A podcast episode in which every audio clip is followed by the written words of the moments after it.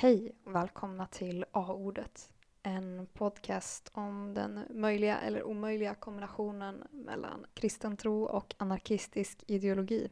Den här podcasten drivs av mig som heter Alice och Jonathan. Men just nu är det bara jag, eh, Alice här, för jag sitter och klipper och tänkte bara meddela att det här avsnittet är en eh, uppföljare på avsnittet som släpptes senast som heter Anarkisten i rummet.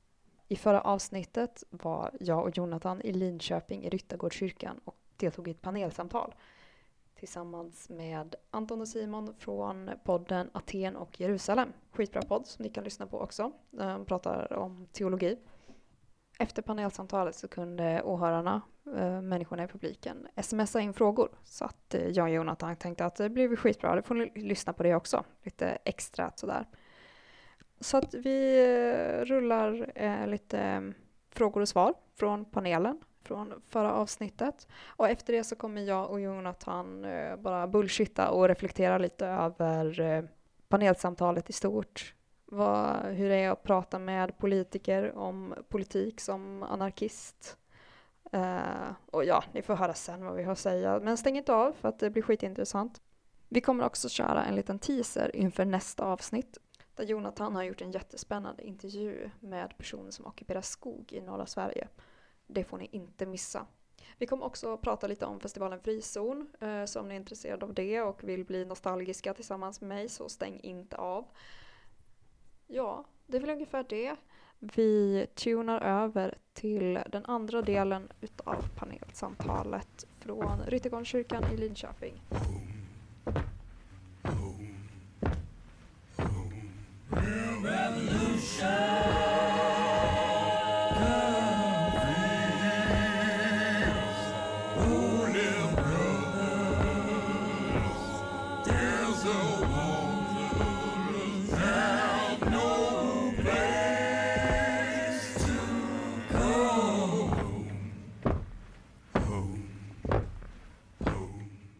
Så det här är folkets frågor. Det är ganska många frågor, så vi försöker hålla det ganska extra kort nu, tycker jag. Man kan säga att det är många frågor som har kommit in kring en fråga som vi har berört ganska ytligt, och det var alltså om, om flyktingfrågan och sådär. Vi kan, eh, det finns eh, här till exempel en fråga, den kan du ställa Alice, tänker jag. Mm. Nu bara läser jag härifrån. Ja. Eh, det talas mycket om jämställdhet och solidaritet. På vilket sätt är det jämställt och solidariskt att skicka iväg våra asylsökande, till exempel afghanvänner, till ett land eh, de många gånger inte vuxit upp i och som är mycket osäkert? Säg något om flyktingpolitik. Mm. Och det står inte att den här eh, frågan är riktad till någon speciell, så jag vet inte. Så ni får svara lite... Vad Ni får svara- Ni kan- som vill svara. Ja, ni kan börja. Ja, det, är, det är komplext och eh, man har ju någon typ av rättssystem och det kanske är bra om man har det. Så att de här, är de asylsökande och åker hem igen så har de ju någon typ, inte något av asylskäl. Det kan man utgå från om inte de har gjort något fel, det här Migrationsverket, och det kanske de har gjort, det vet inte jag. Och eh, skicka hem något till något land där de inte kommer ifrån, det verkar ju inte vidare bra, för då har de antagligen sökt asyl i ett, i ett annat land, och då har de ju asyl där då möjligen. Och om de vill komma till ett annat land för de inte trivs där, då är de ju inte asylsökande, då är de immigranter och immigrerar de kanske. Jag vet inte riktigt hur det ligger till, men jag miss, det kan vara en misstolkning. Om man åker vidare, jag törs inte säga det. Är det afghaner ni pratar om från Iran? Jag tror att den här frågan gäller personer som har ganska tydliga asylskäl. Många från eh, Afghanistan flyr för att de är hazarer och eh, utsätts för ganska grov diskriminering i Afghanistan. Och många Okej, blir tillbakaskickade då till exempel till Afghanistan när man kanske har nästan hela livet bott i Iran eh, för att man har emigrerat dit och sen så blir man deporterad till Afghanistan och kanske när man inte har några familjeband så kan det också vara. Ja, det är ju komplext, det är synd naturligtvis.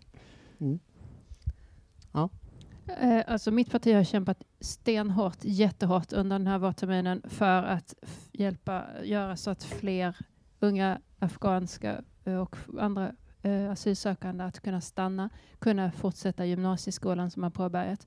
Det är jag väldigt stolt över. Och till exempel så har vi också fått igenom att Linköpings kommun låter ungdomar stanna under asylprocessen. Eh, Så där känner jag mig stolt över att vi har sagt nej, det är inte rimligt. Ja, jag håller med Birgitta. Eh, mitt parti eh, ska också rösta för att eh, ensamkommande ungdomar ska stanna tillsammans med Miljöpartiet och Centerpartiet och Vänsterpartiet. Däremot så ställer sig ditt parti emot det i riksdagen, vilket är tråkigt. Men vi får se hur den omröstningen blir. Men samt... Ja, nej, jag ska vidare. Eh, alltså jag, kan, jag kan svara på den här frågan lite inifrån systemet också, för att det behövs folk i en massa verksamheter som är jätteviktiga. Det behövs massa folk i vården med mera. Och de flesta av de ungdomar som eh, söker sig till Sverige för att eh, skapa sig ett bättre liv här oavsett skäl vill liksom skapa ett liv där de har ett jobb för att kunna försörja sin familj med mera och den arbetskraften behövs. Eh, så att jag tycker det verkar mest korkat att inte släppa in folk. Sen finns det lite utmaningar med det och det tycker jag också är viktigt att säga. Eh, där, finns det liksom, där finns det en lite tråkig retorik där man liksom inte accepterar att människor är människor och då finns det utmaningar som be man behöver ta tag i. Beroende på vart man kommer ifrån har man olika utmaningar och olika behov och det, om vi lär känna varandra så löser vi det. Jag fick en, en fråga här också av en person som handlar om eh, att kanske alla vill på något sätt ändå sätta upp restriktioner för, för flyktingar. Så. Vilka restriktioner är det som är viktigast? Alltså är det liksom, ska man ha en viss kvot kanske, att det ska vara bara så här många som får komma, eller är det andra skäl som väger över? Eh, vad, hur ska man liksom, vilka restriktioner ska man sätta upp? Ja, alltså det finns ju internationella konventioner eh, där man har försökt definiera vad det är som är asylskäl och de, de kommer ju omförhandlas så det är klart det kommer aldrig finnas ett exakt svar på den frågan eh, kan man säga och precis som eh, eh, ni har varit inne på förut eller vi, eh, så finns det ju, är det ganska svårt att bevisa sina asylskäl i ganska många fall. Det vill säga man hbtq-person, hur ska man bevisa det? Eh, eller om man har blivit misshandlad eh, av sin, eh, sin familj. Det är ju jättesvårt, så att det kommer ju ändå alltid behöva... Så jag tycker det är en jättesvår fråga. Det kommer alltid att, så länge vi har nationer, som jag var inne på precis i början av kvällen, så kommer nationerna att sätta upp de här gränserna och det är därför vi inte kan ha ett, statiskt nationsbegrepp. Vi behöver omförhandla de här etiska, moraliska reglerna. Mm. Just det, men nationerna, egentligen är det så att eh, de här länderna de människorna kommer ifrån har ju något, någon typ av problem. För den finaste resursen ett land har är ju naturligtvis de människor som finns där. Så det borde vara ett stort, stort bekymmer för afrikanska regeringen att stora delar av deras ungdomar inte vill vara kvar där naturligtvis. Och det är ju där vi måste gå in och jobba kanske mot dem och sätta krav på dem. Vad är det som gör att ni inte följer FNs deklaration om mänskliga rättigheter i ert land? Ni måste kunna säkra era gränser så inte terrorister kommer in och förstör. Ni måste bearbeta de här som försöker underminera ett samhällsbygge i Afghanistan. Och jag tycker att det är lite taskigt att tro att bara för att man kommer från Afghanistan så, så är Afghanistan helt kört. Det går aldrig att vara där. Man kommer till Sverige och blir svenskt. Jag tror väldigt många afghaner skulle, om de hade haft möjlighet och varit ett tryggt och fint land, kunna bygga upp sitt land sakta men säkert. Det har Sverige gjort. Så de får, gå i skola, få sjukvård, ha ett rättsväsende så folk slipper flytta. En sak, det är hemskt att behöva vara asylsökande, att fly från någonting, att emigrera från att tycka att Sverige har fint väder, låga skatter och bra golfbanor och fina jobb. Det är ju helt okej. Men ingen människa ska behöva fly för sitt liv där man har bott och verkat hela sitt liv som man kanske tycker om.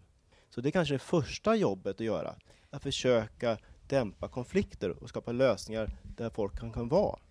Men där kan man också fråga om det finns en fungerande rättsstat och sätta press på. Men eh, över, är det någon här som vill kommentera den frågan? Ska, vilka restriktioner ska man sätta upp när det kommer till det här med, med flyktingar och så?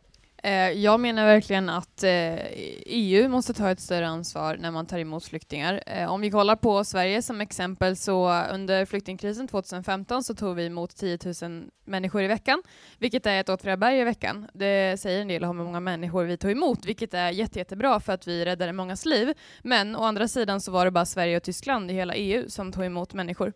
Eh, det tycker jag är fel och är man med i EU så har man faktiskt krav på sig att ta emot ännu fler människor och det måste vi fördela eh, jämnt mellan oss och alla borde ta ansvar för människors liv. Eh, så det tycker jag kan vara en restriktion kring att fler ska ta ansvar för att ta emot flyktingar. Men som Birgitta säger, man har asylskäl och de kommer eh, säkert eh, omförhandlas framöver beroende på vad det gäller. Men självklart ska vi värna om asylrätten eh, blir jättesvårt att prata om en begränsning eftersom eh, de begränsningar som sätts, sätts utifrån helt andra kategorier eller logiker än de som, som jag vill tänka efter. Alltså jag tänker att eh, det kan finnas begränsningar och att de begränsningarna handlar om alltså hur många rum kan vi erbjuda för personer? Det är bostadsbrist på grund av den kapitalistiska logiken som gör att det är lönsamt att bygga på vissa ställen och på vissa villkor. Och skulle man organisera samhället på ett annat sätt så skulle vi också kunna ta emot fler människor som vill bo här. Och för mig är det egentligen inte så centralt varför man vill bo här, utan att man vill bo här, för att mer eller mindre så tycker jag man borde få bo vart man vill. Och då är det ju en fråga mer om man kan eh, haka på en gemenskap, eh, om man kan göra nytta i den gemenskapen och där tror jag att alla människor har något att bidra med. Liksom. Ja, det är jättemycket att säga om den frågan och jag kan tänka mig att alla ni vill säga många fler saker, men vi går vidare. Eh, vi har fått en fråga eh, som också riktar sig till alla parter i det här panelsamtalet. Eh, Sverige har idag världens längsta häktningstider, något som har kritiserats av FNs organ för mänskliga rättigheter. Hur bör man förhålla sig till detta samt vad anser ni vara den bästa lösningen? Långa häktningstider helt enkelt. Hur ska man resonera kring det? Vi kan bolla frågan hit först. Till Erika. Ja, kriminalvården är väl inte min eh, cup of tea direkt, men eh, jag kan försöka svara ändå.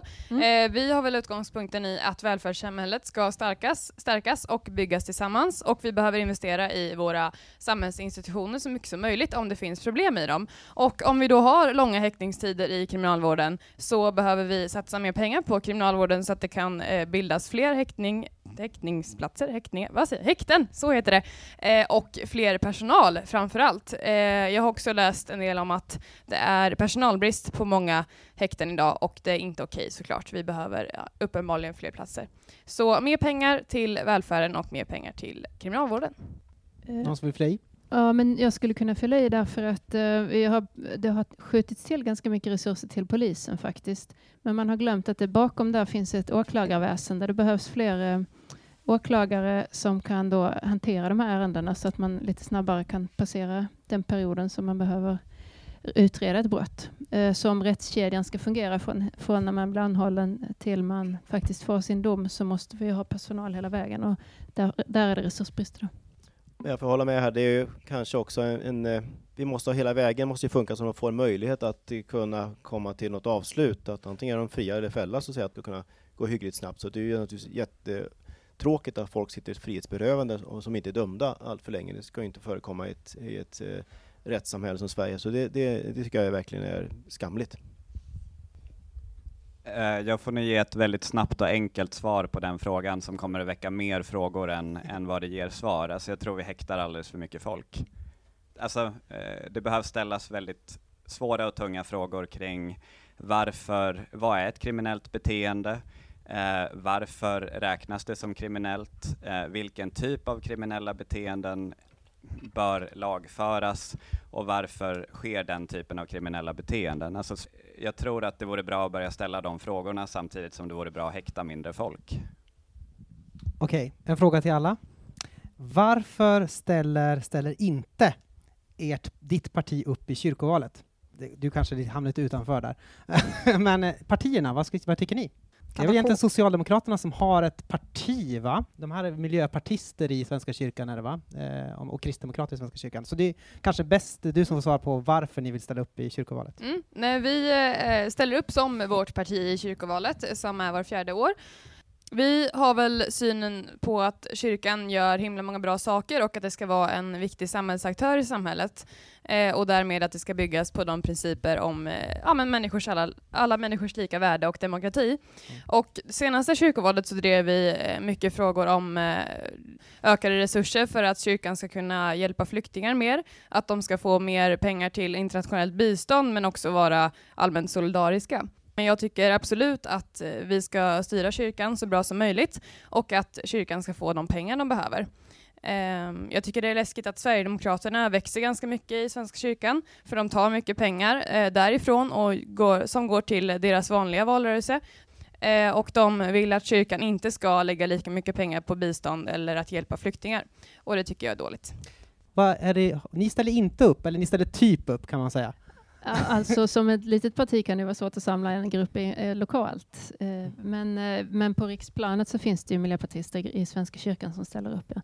Alltså, eh, jag ser eh, på lite längre sikt att vi inte ska ha partier i kyrkovalet utan grupperingar så som det finns nu, POSK och, och några till. Det var ju den som startade först som inte är knuten till ett politiskt parti. Jag tycker det verkar mer rimligt. Men men det som är tyd, blir tydligt i det system vi har idag är att det finns skiljelinjer, alltså ideologin, man känner igen den, så man förstår att om jag röstar på Socialdemokrater i Svenska kyrkan, då är det internationella arbetet viktigt och så vidare.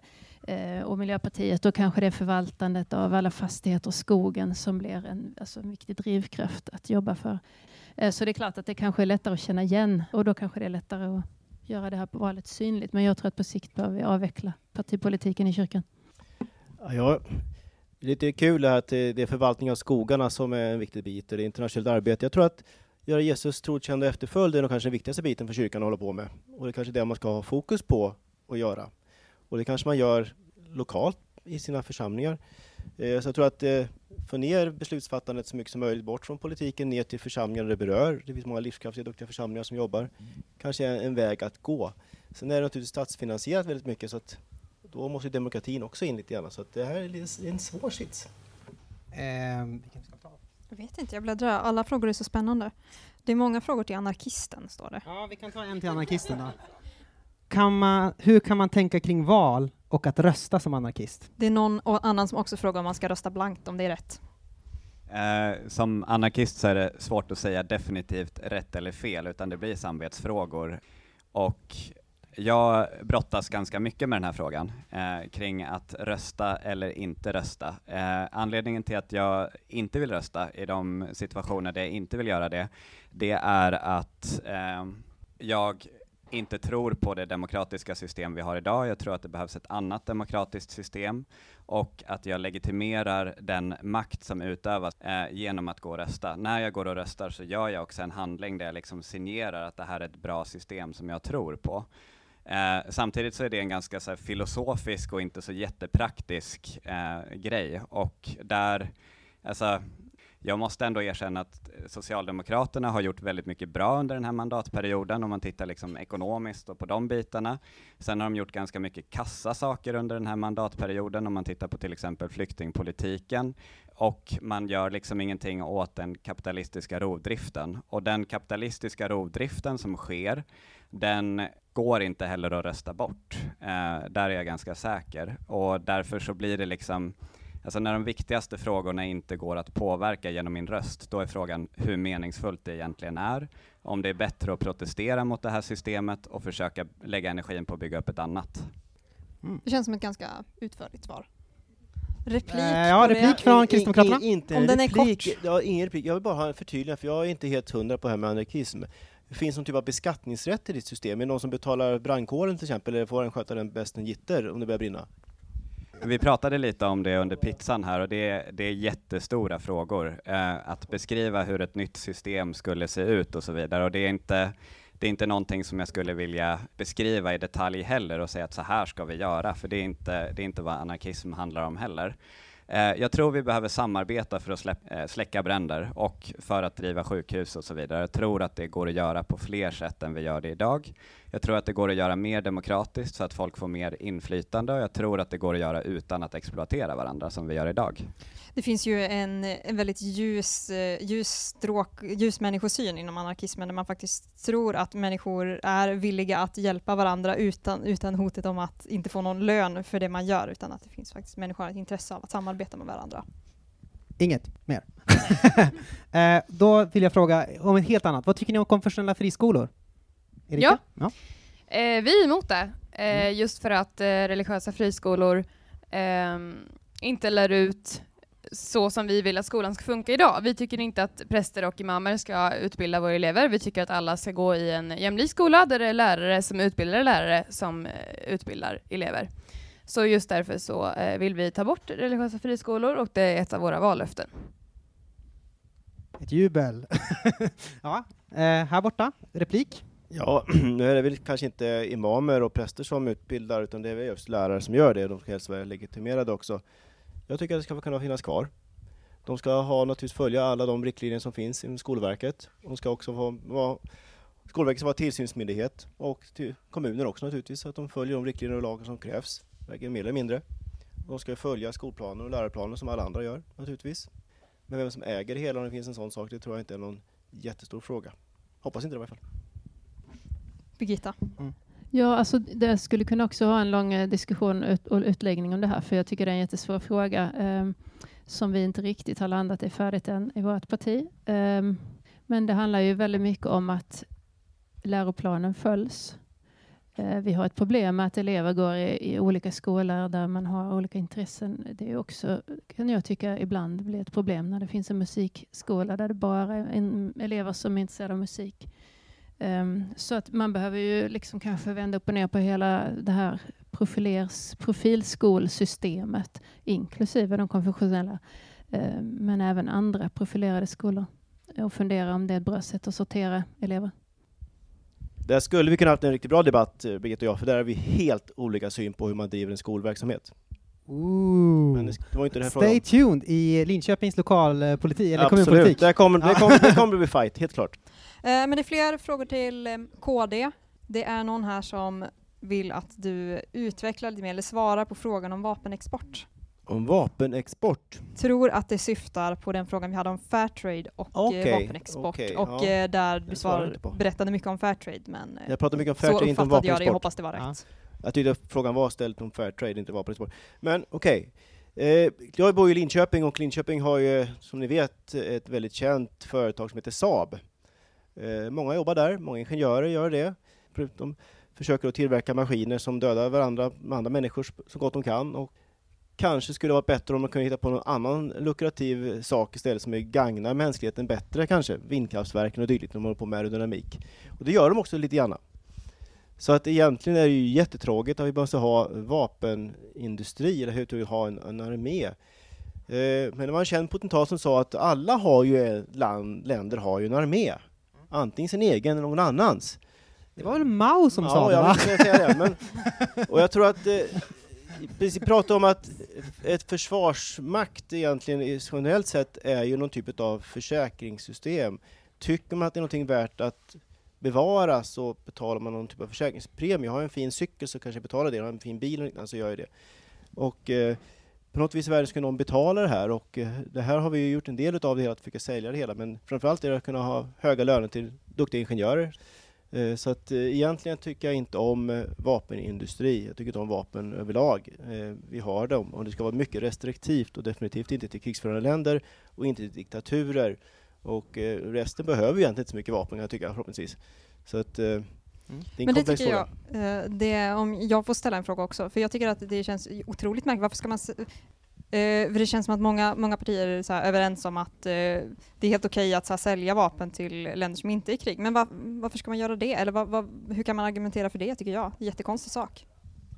Ja, men jag tycker det är helt rätt det du säger, det är jätteknepigt. Det är de som krigar som behöver ha vapen, eller hur? Nej. Kanske. Kanske? Frågar de.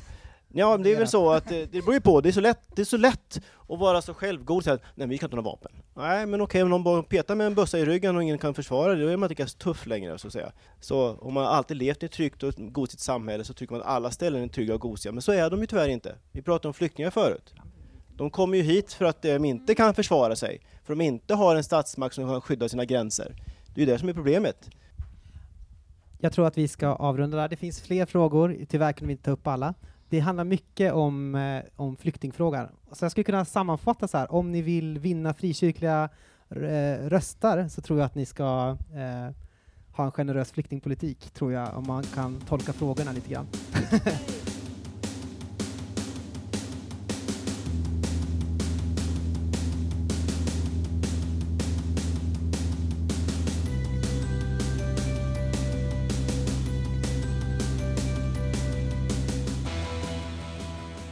Fint. Ska jag försöka prata jättenära min mick också?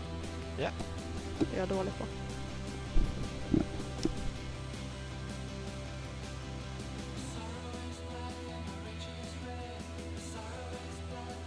Ja, men eh, då har ni lyssnat på det här frågeavsnittet från pane- eh, panelsamtalet i Ryttargårdskyrkan i Linköping som vi gjorde för några veckor sedan.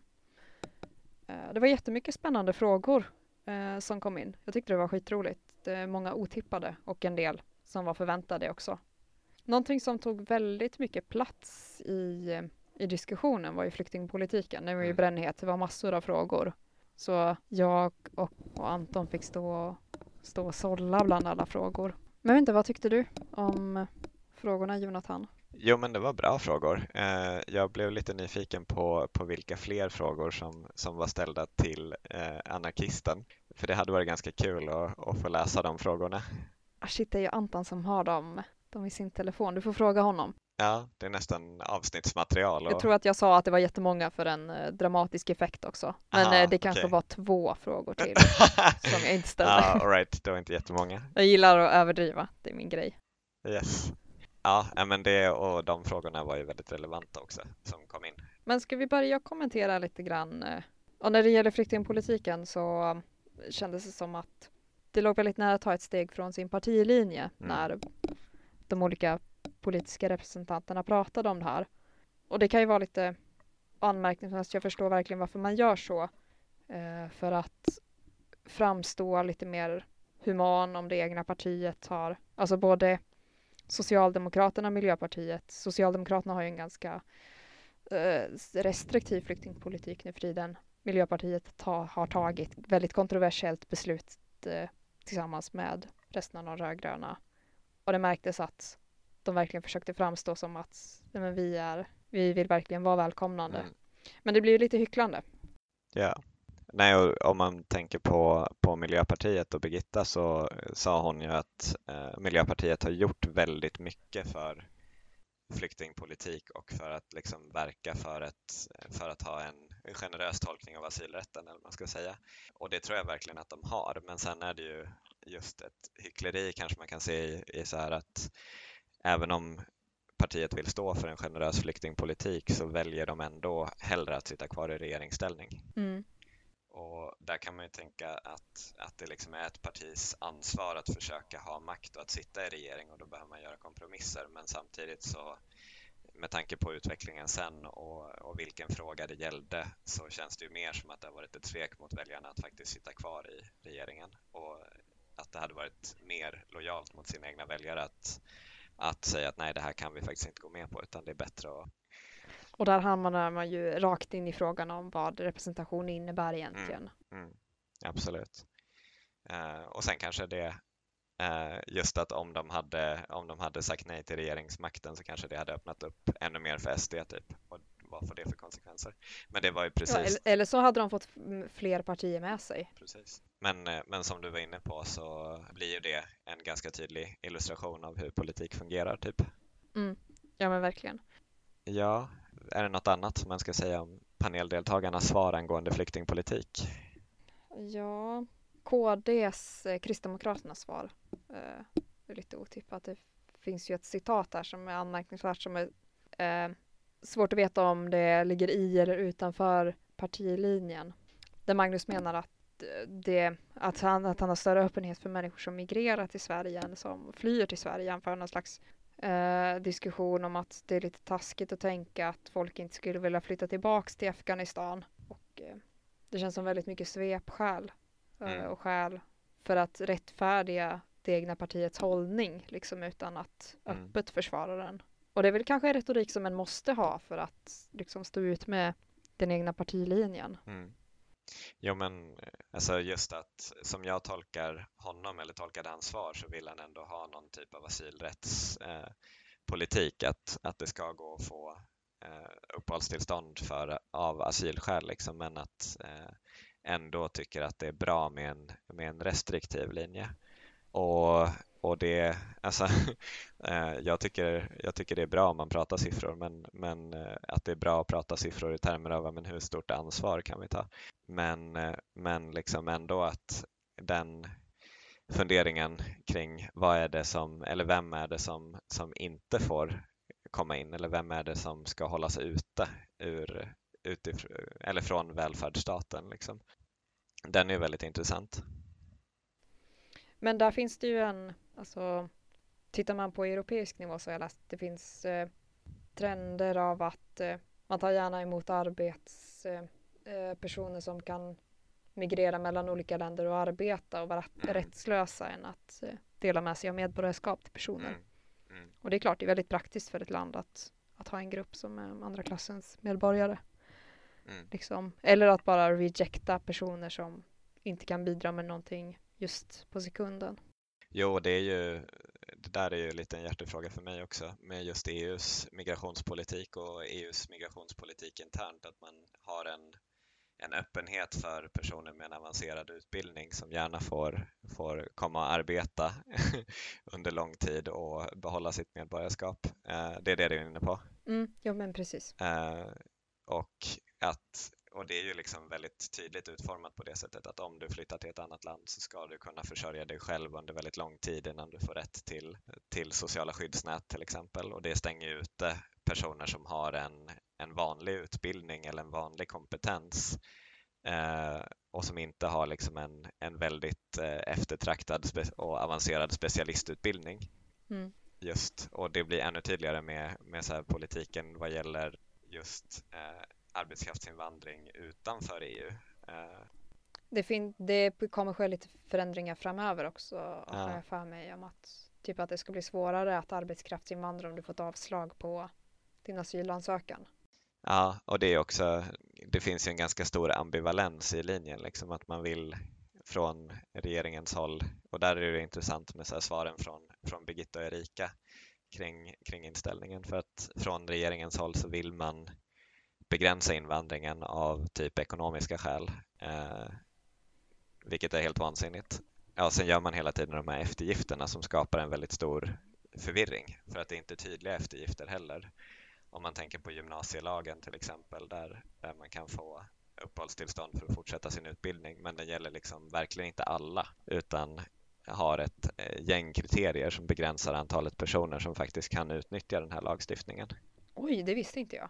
Jag trodde att den var allmängiltig. Mm, nej, alltså det, det handlar om när du sökte uppehållstillstånd och det handlar typ om ja, flera olika faktorer. Så det är mer som en tillfällig amnestilag. Ja, för vissa personer och det här orsak, har orsakat väldigt stor förvirring. Sen är det liksom olika villkor i de olika eh, undantagen som har gjorts, eh, vilket också orsakar en väldigt stor förvirring. Och det kan vara så att det liksom i slutändan gynnar de flesta på ett bra sätt, men, men även under tiden så blir det en väldigt stor oro för en gymnasieungdom som ska ta, så här, tolka eh, lagstiftning som, tycker att, som är svår för, för mig som har liksom en statsvetarutbildning att tolka. och det, det blir liksom en väldigt orimlig situation för en, för en ung människa att hamna i. Verkligen. Men publiken var duktig på att ställa kritiska frågor tyckte Mm. jag. Det var väldigt tydligt att de ville pressa eh, de olika representanterna Mm. på, på den här frågan. Men ingen pressade dig. Eh, Nej. Eh, eller så eh, censurerade du publiken i din roll som Mm. moderator. Det kommer vi aldrig Kom få veta. kom ingen fråga om det. Inga sådana här, kommer, kommer Sveriges utplåna som alla flytt, på hela jorden flyttar hit. Ja. Det fanns inga sådana frågor. Den hade varit jätteintressant att svara på, bara så här. Ja, det hade den. Men vi, vi kanske, jag kanske ska låta bli det. det kan vi svara på en annan gång ett annat Ja, avsnitt. precis. Den eh, hypotetiska situationen, skulle alla människor i hela världen kunna bo i Sverige och eh, skulle det kunna funka om det var en anarkistisk utopi och hur skulle de eh, sociala institutionerna för governance se ut i den anarkistiska eh, utopin? Eh, jag hade älskat att spekulera i det. Mm. Ja, eh, jag, jag tror att du försökte gå vidare här innan jag började svamla ut totalt. Den anarkistiska monarkin Sverige. Nej, nej, inte jag, jag vill gå vidare. Jag tänkte mer på mig själv som någon slags potentiell andlig ledare. Eh, nej. Ja, Ja. okej om du vill. Men inte med mig. bra. Ja. Nej, jag vill gå vidare. Yes. Eh,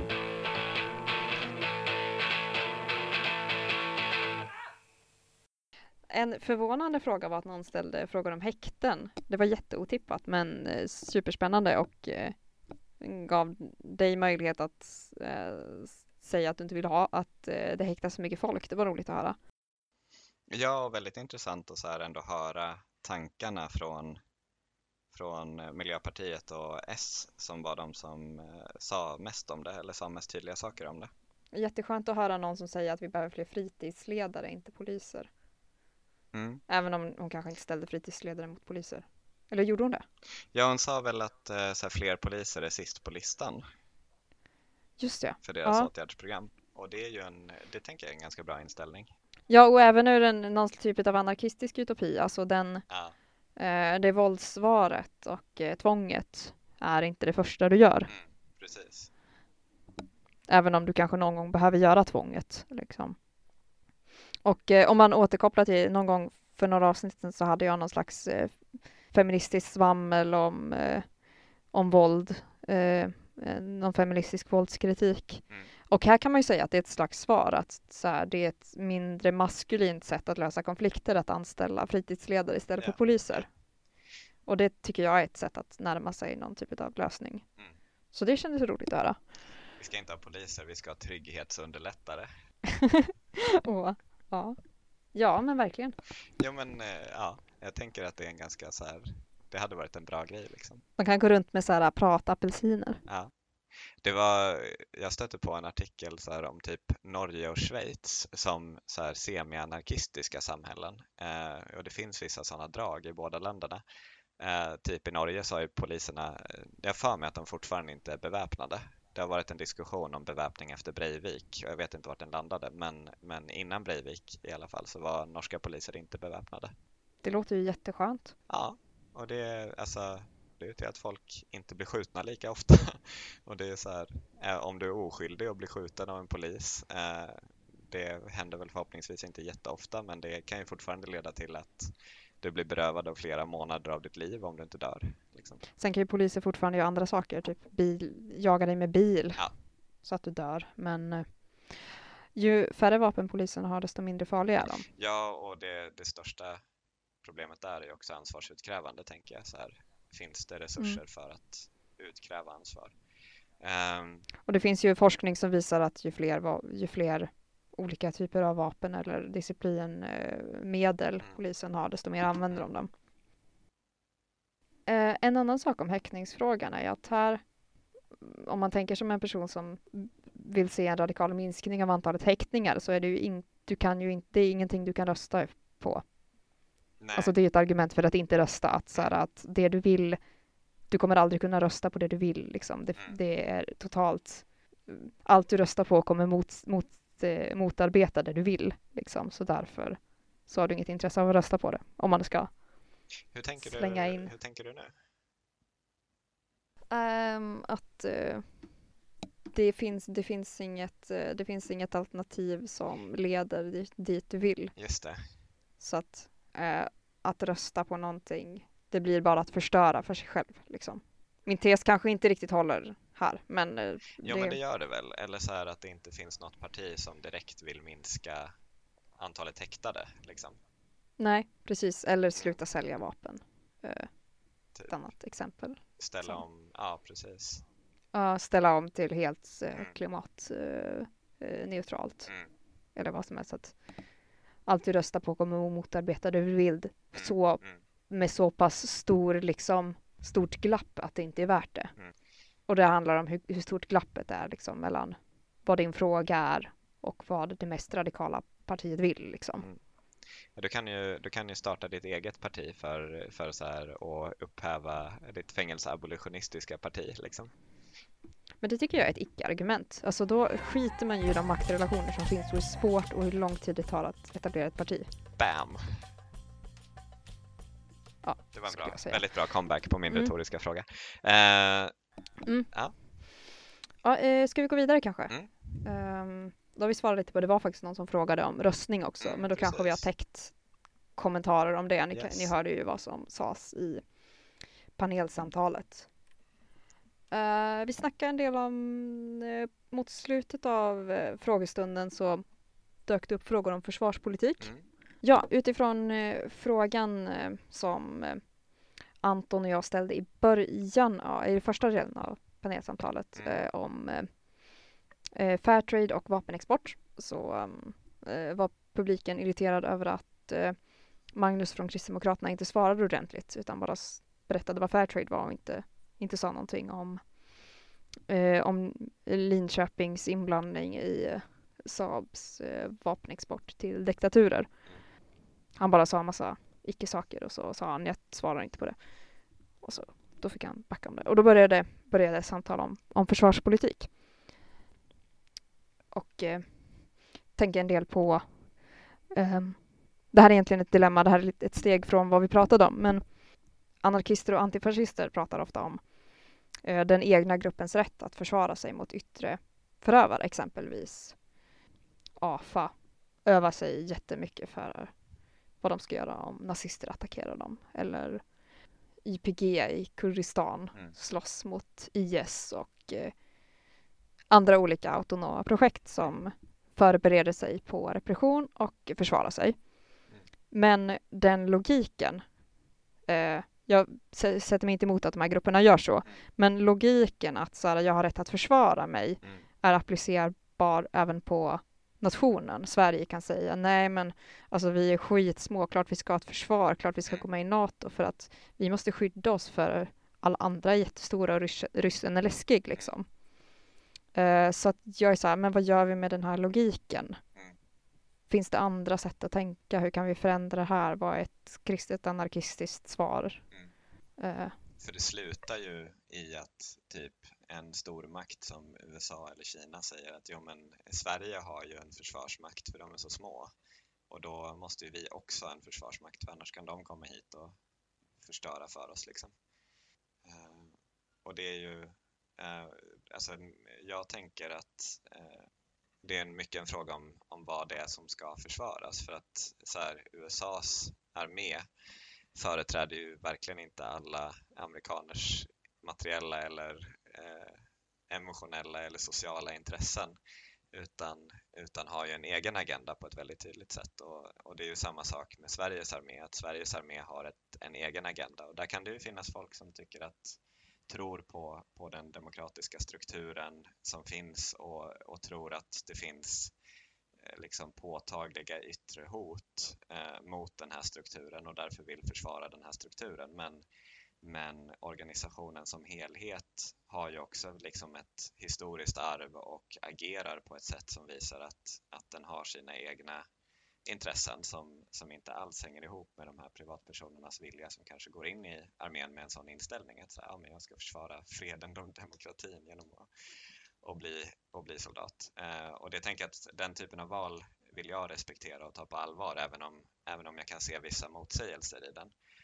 Eh, och där, där tänker jag liksom på så här Ådalsprotesterna 1931 eh, där eh, det var en strejk i eh, Ådalen i ett sågverk och eh, en socialdemokratisk regering eh, skickade armén på för att slå ner den här strejken. Och då, det här är också, det här är väldigt, ett väldigt kontroversiellt eh, exempel för att, eh, att en, ett land liksom skickar sin armé för att slå ner den egna befolkningen. Det går liksom inte ihop med den liberaldemokratiska ordningen. Eh, det här ska liksom inte ske och dessutom så dog det ett flertal personer. Liksom. Eh, och där är det väldigt tydligt att arméns intresse var att skydda eh, liksom ägarna av de här fabrikernas eh, profitintresse på bekostnad av den här strejken. Och, och det här är ju en väldigt komplex situation och det var hund, nästan hundra år sedan men, men det finns samtidigt exempel på eh, hur det här fortfarande sker. Liksom. Eh, kanske inte i Sverige för att det har varit få väpnade konflikter men definitivt i andra länder. Eh, och skulle det komma till kritan så tror jag att det skulle visa sig även här. Sen är det ju en aktuell diskussion om man tänker eh, vilka personer som organisationer med våldsmonopol försvarar och inte. Menar, eh, Almedalsveckan eh, var ju full av den typen av diskussioner när eh, feminister och antirasister och eh, hbtq-personer kände sig väldigt, väldigt utsatta och upplevde att eh, och inte bara upplevde där polisen konkret så här, äh, inte visade att de skyddade deras intressen. Mm. Utan och eh, där nazisterna gick runt och gjorde kränkning efter kränkning och misshandlade människor Mm. Eh, på öppna gator och eh, det verkade finnas väldigt få markeringar från polisen som visade att de stöttade personerna som blev utsatta. Mm.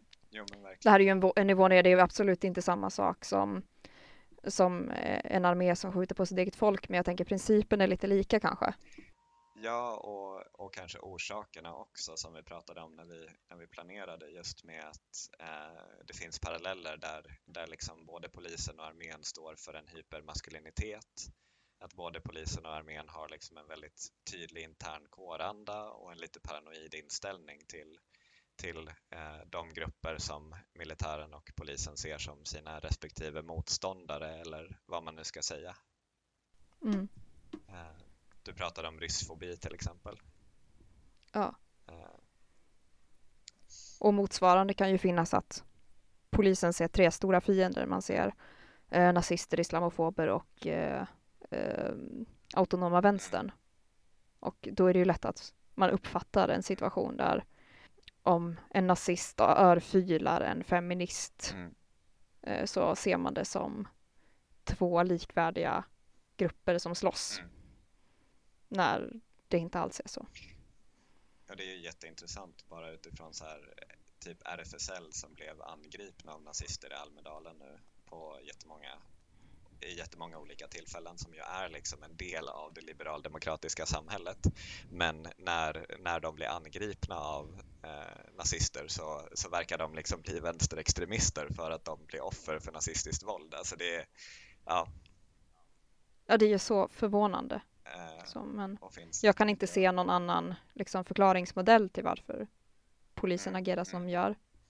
Förutom att, som någon person jag pratade med sa, att eh, det är möjligt att eh, polisen inte grep folk för att de gjorde kartläggningar av nazisterna snarare än att göra gripanden. Men det vet man ju inte. Mm. Nej men precis. Eh, Det som är intressant är ju att vanligt folk liksom, som inte är extrem, extremvänster och så vidare är, eh, börjar liksom mjukna upp för att det kanske finns lite problem inom Polismyndigheten. Det är inte en, det är inte en myndighet som är eh, liksom eh, himmelrikets förtrupper utan eh, det kanske finns här lite, lite sunk i det här träsket. Liksom.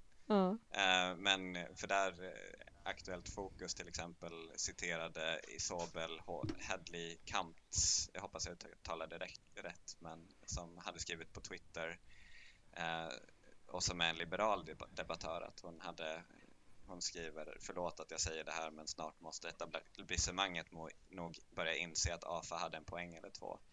Eh, hon är för ett starkt och bra polisväsende men skriver att eh, nazister är ointresserade av faktagranskningar och av politisk debatt. De vill mörda oss och kommer bara stoppas av fysiskt försvar. Ehm, och där, där kommer ju den här försvarsdiskussionen in. Mm.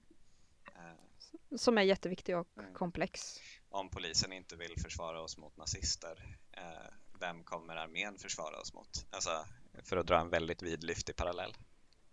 Ja. Mm. Men eh, om man återgår jättesnabbt och avslutar den här försvarsdiskussionen. Mm. Eh, där anses det ju jätte, jätte naivt att inte vilja ha ett, någon typ av försvar.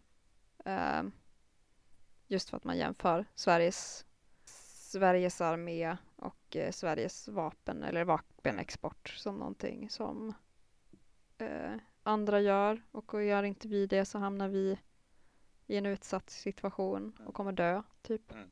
Och det är tråkigt att man inte ser andra lösningar. Som kanske till och med skulle vara mer res resilienta, alltså mer hållbara. Eh, som att till exempel ersätta det svenska försvaret med ett civilförsvarsförbund som förberedde sig på katastrof och krishantering och sjukvård och överlevnad. Mm. Hade jag tyckt var en nice idé.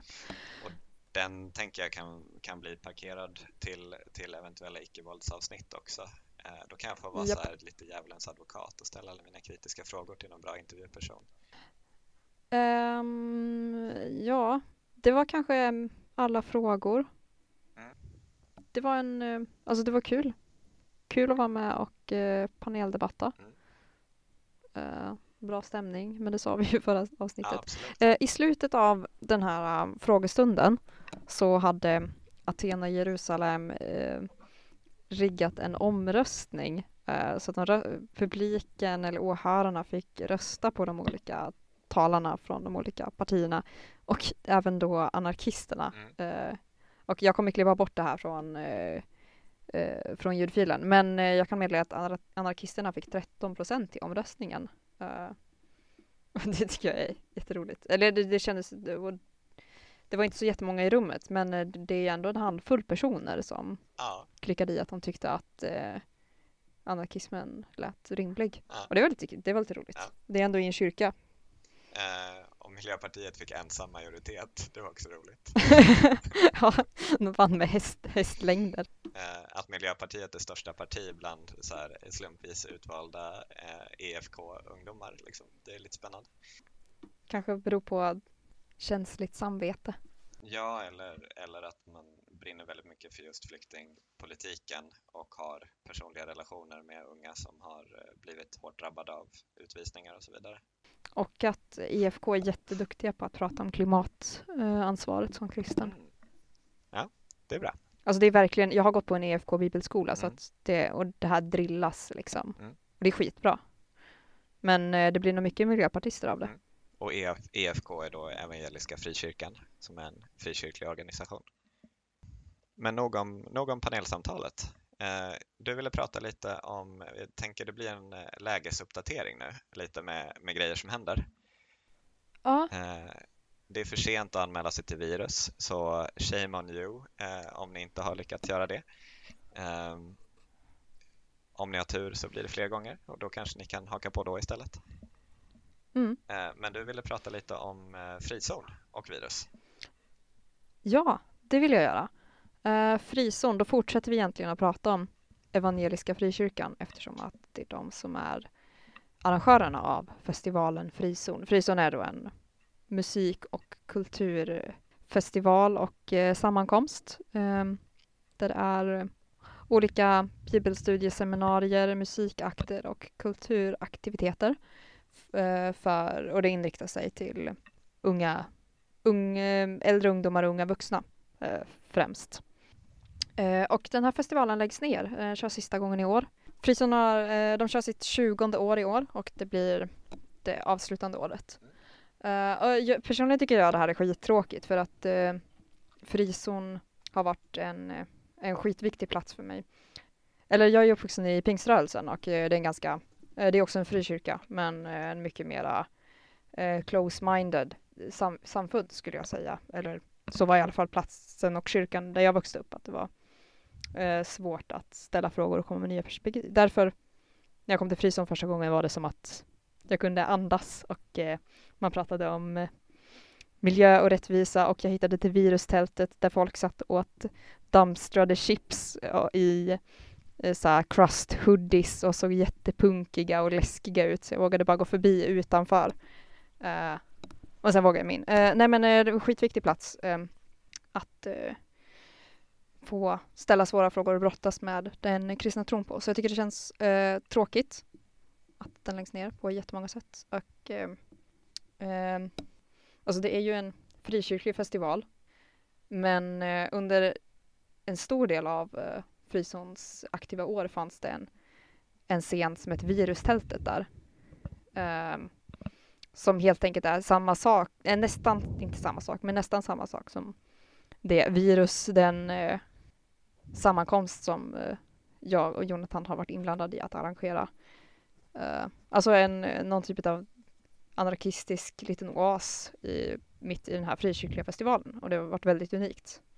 För övrigt där jag träffade Jonathan första gången. Eh, nu svamlar jag jättemycket. Mm. Eh, men det är tråkigt att eh, festivalen läggs ner och det beror lite på eh, den här platt, eller Frizon förändrades mycket de senaste åren så att egentligen så här så är det inte så himla konstigt att lägger ner för att eh, eh, tidigare så arrangerades Frizon av ett ungdomsorgan som fanns inom Evangeliska Frikyrkan där det var mer så här av unga för unga. Men senaste åren så har det arrangerats enbart av EFK eftersom att deras ungdomsförbund gick upp i den stora organisationen och man tappade mycket av sitt eh, många gånger radikala perspektiv, vilket var fett tråkigt. Och så blev det mera så ett sätt för EFK att typ evangelisera för sina unga. Eh, men eh, om ni vill veta mer om det här så kommer vi att länka en, eh, en artikel som är skriven av Thomas Lundström i tidningen Dagen. Om, om ni som jag är jätteintresserad av varför frizon eh, lägger ner och varför frizon har förändrats så kan ni läsa det.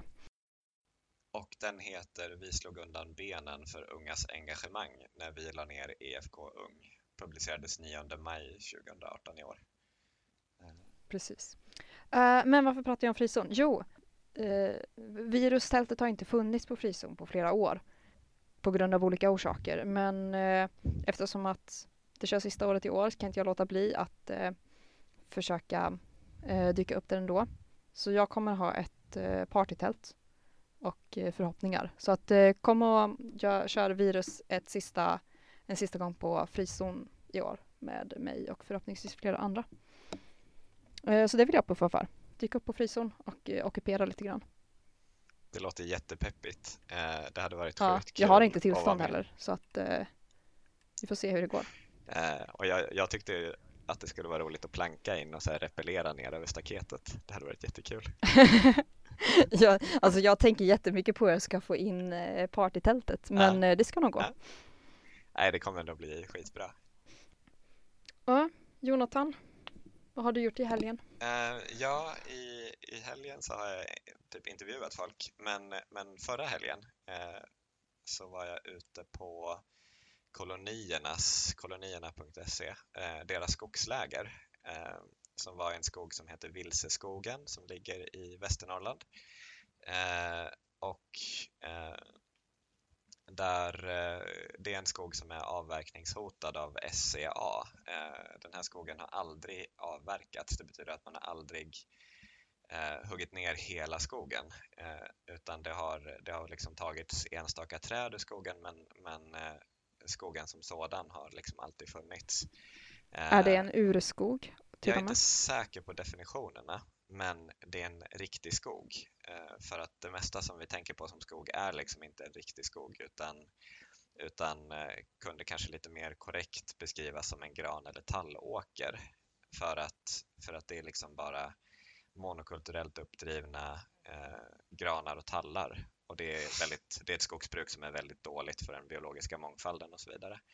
Eh, och den här typen av skogar som är mer, eh, mindre mindre exploaterade är väldigt, väldigt värdefulla för den biologiska mångfalden. Eh, och det handlar ju om andra arters rätt att existera, mer eller mindre.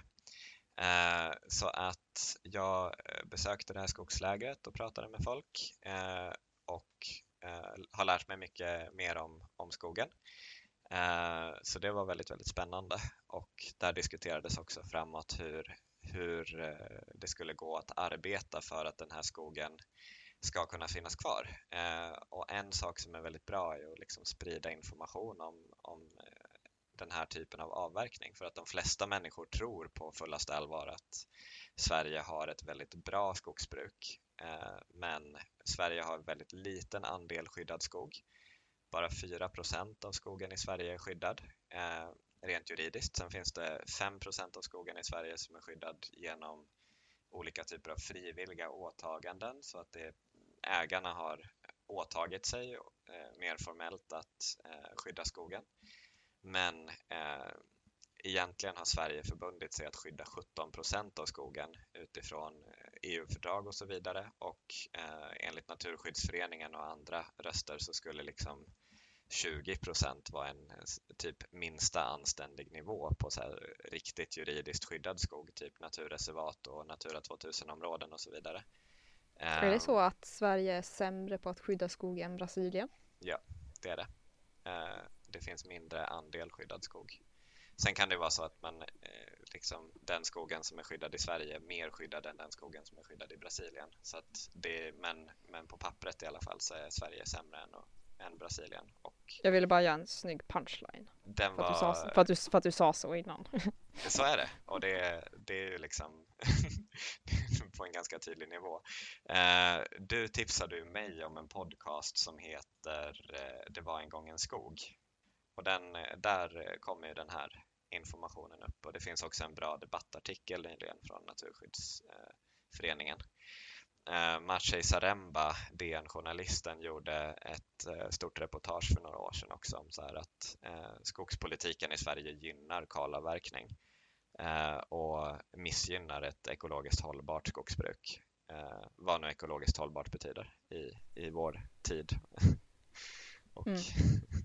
dag. Så att, men eh, det är ju, och varför du säger det här är ju för att eh, det nästa avsnitt som ni kommer höra från A-ordet kommer handla om, eller kommer Mm. vara en intervju från Vilseskogen. Precis. Så ni kanske kan förbereda er med att lyssna på Det var en gång en skog-podden. Så Yes. kommer ni vara förberedda och extra upprörda när ni lyssnar.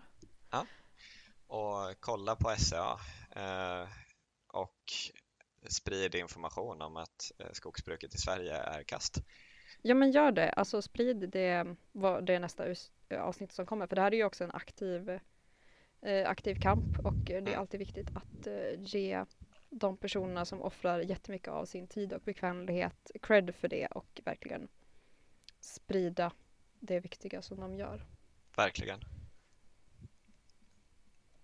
Vi kommer också lansera lite ny musik i podden. Eh, som ni kanske hört och lagt märke till om ni är jätteuppmärksamma på vilken musik vi spelar så har vi fått in lite ny, eh, ny musik eh, i vår podcast. Det är en mu- musiker som heter Andreas Lind som, och eh, Darkstar som kan inte du berätta, det är du som varit i kontakt med den här artisten Jonathan. Ja, Vem är, vem är Darkstar? Jag vet inte så mycket mer eh, än, än vad, vad du har sagt heller, utan det är en eh, artist som är Göteborgsbaserad, det visste jag. Eh, och eh, vad skulle man kunna kalla musiken? Eh, Atmosfärisk, eh, lite industriell kanske? ja, precis. Jag ska kolla snabbt vad, vad Andreas kallar sin musik. One Man Shoegaze Darkwave Electro Project Mhm. är Darkstar. Någonting att njuta av. Vi är jätteglada att kunna ha Andreas musik i podden. Eh, det är skitkul att kunna variera vad vi spelar för musik och det känns alltid proffsigare att ha en asduktig musiker som eh, låter oss spela dens musik i podden.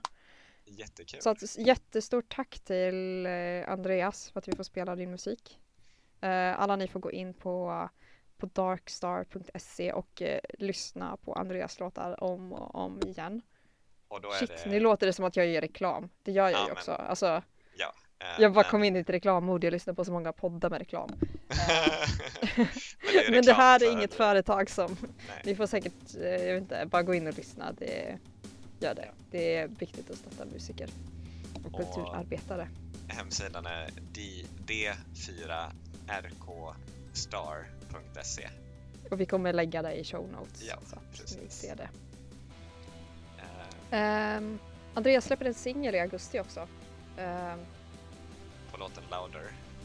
Mm. Så att uh, den kan ni hålla utkik efter om ni gillar den ni hör. Och den kommer också innehålla några tunga remixar. Ja. Ni har lyssnat på podden som heter A-ordet och eh, och vill ni komma i kontakt med oss så gör ni det genom att mejla oss på aordet.podcast@gmail.com. Ni kan också kontakta oss på Facebook där vi heter A-ordet-podden som om det vore ett namn. På återseende tills eh, vi hörs nästa gång och eh, peppa inför avsnittet om Vitteskogen. Hej då! to this man.